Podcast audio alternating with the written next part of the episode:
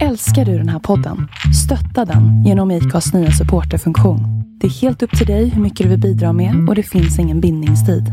Klicka på länken i poddbeskrivningen för att visa din uppskattning och stötta podden. I'm Sandra, and I'm just the professional your small business was looking for. But you didn't hire me because you didn't use LinkedIn jobs. LinkedIn has professionals you can't find anywhere else, including those who aren't actively looking for a new job but might be open to the perfect role, like me. In a given month, over 70% of LinkedIn users don't visit other leading job sites. So if you're not looking on LinkedIn, you'll miss out on great candidates like Sandra. Start hiring professionals like a professional. Post your free job on linkedin.com/people today.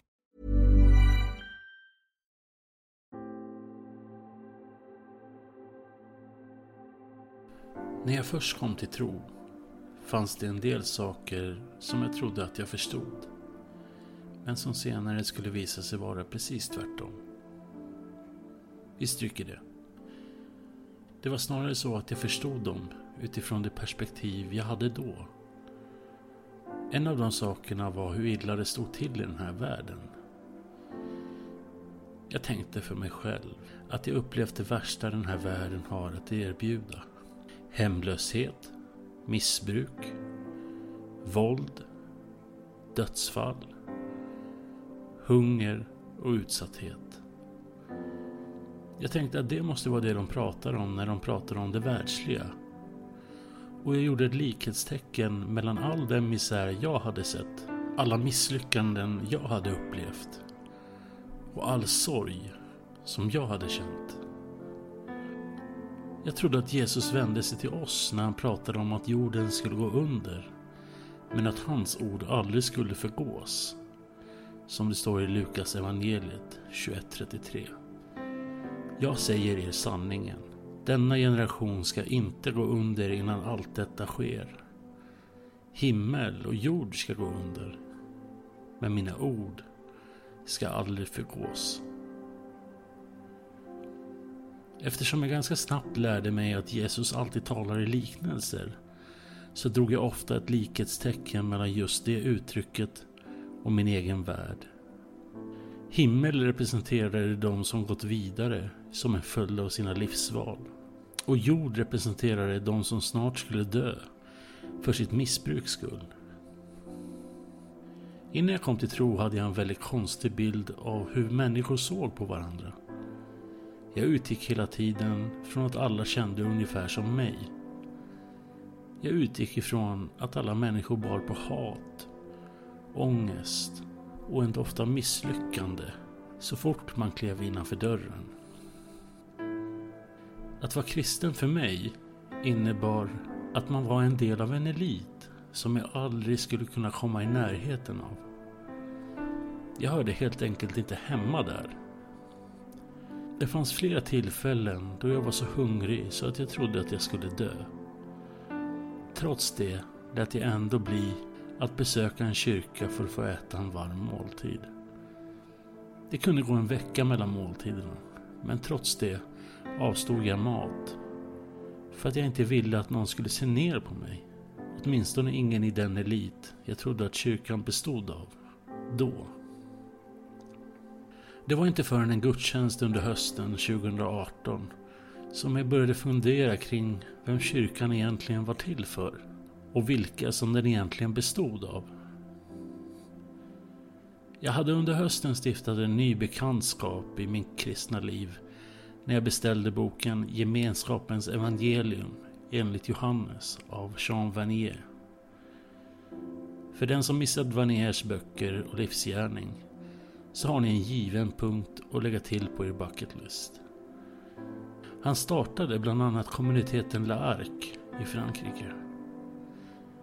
Där tog Vanier emot människor med olika funktionsvariationer och kunde tack vare det ge en unik bild av vad evangeliet hade för effekt på människor.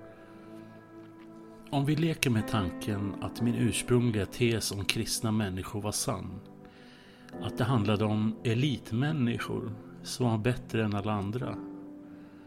Då skulle det per definition också innebära att människor med exempelvis Downs syndrom och andra typer av funktionsvariationer inte skulle kunna ta till sig kärlekens budskap i form av evangeliet. Enligt Vanier var det dock en annan bild som förmedlades. Han skriver i boken att han kom till Ark varje dag och fick genom dessa människor lära sig något nytt om budskapet om Jesus. Ett nytt lager som ingen annan hade kunnat förmedla till honom. Här kommer ytterligare något att lägga till på er bucketlist.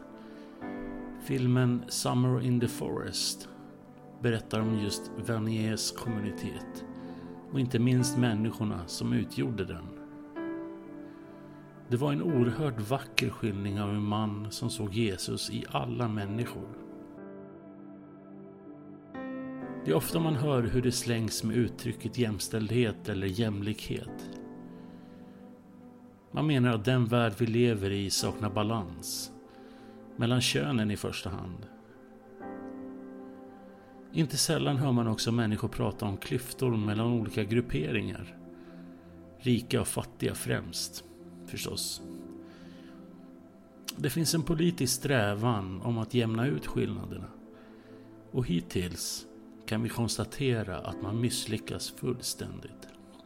Församlingen, i vilken kyrka som helst, har lyckats med det samhället misslyckats med. Man ska komma ihåg att det inte alltid har sett ut så. Men där kan man inte frångå den progressivitet som kyrkan lyckats med. För samma sekund som du kliver innanför dörrarna jämnas villkoren ut. Den rike och den fattige bär samma rättigheter och möjligheter. Här kan man till och med hävda att rollerna blir omvända. För här kan man mötas och utbyta erfarenheter. Mötas i bön och finnas där för varandra på ett sätt som i världen är så gott som omöjligt. Här kan en miljonär språka med en fattig emigrant.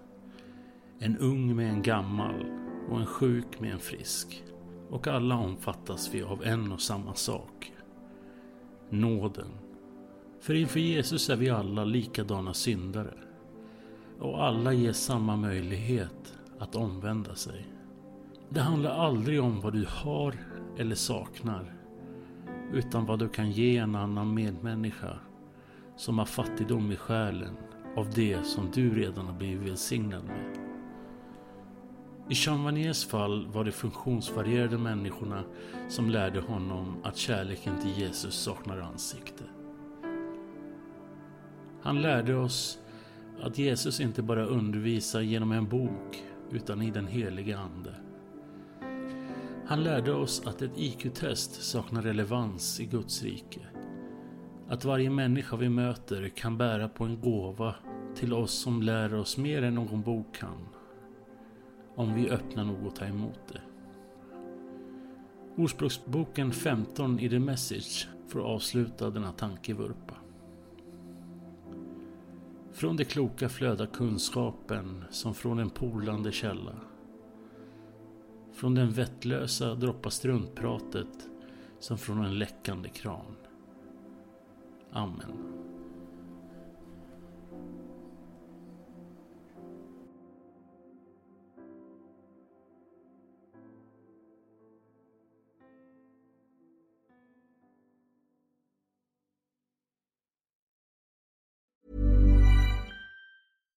When you make decisions for your company, you look for the no-brainers. And if you have a lot of mailing to do, stamps.com is the ultimate no-brainer. It streamlines your processes to make your business more efficient, which makes you less busy. Mail checks, invoices, legal documents, and everything you need to keep your business running with stamps.com.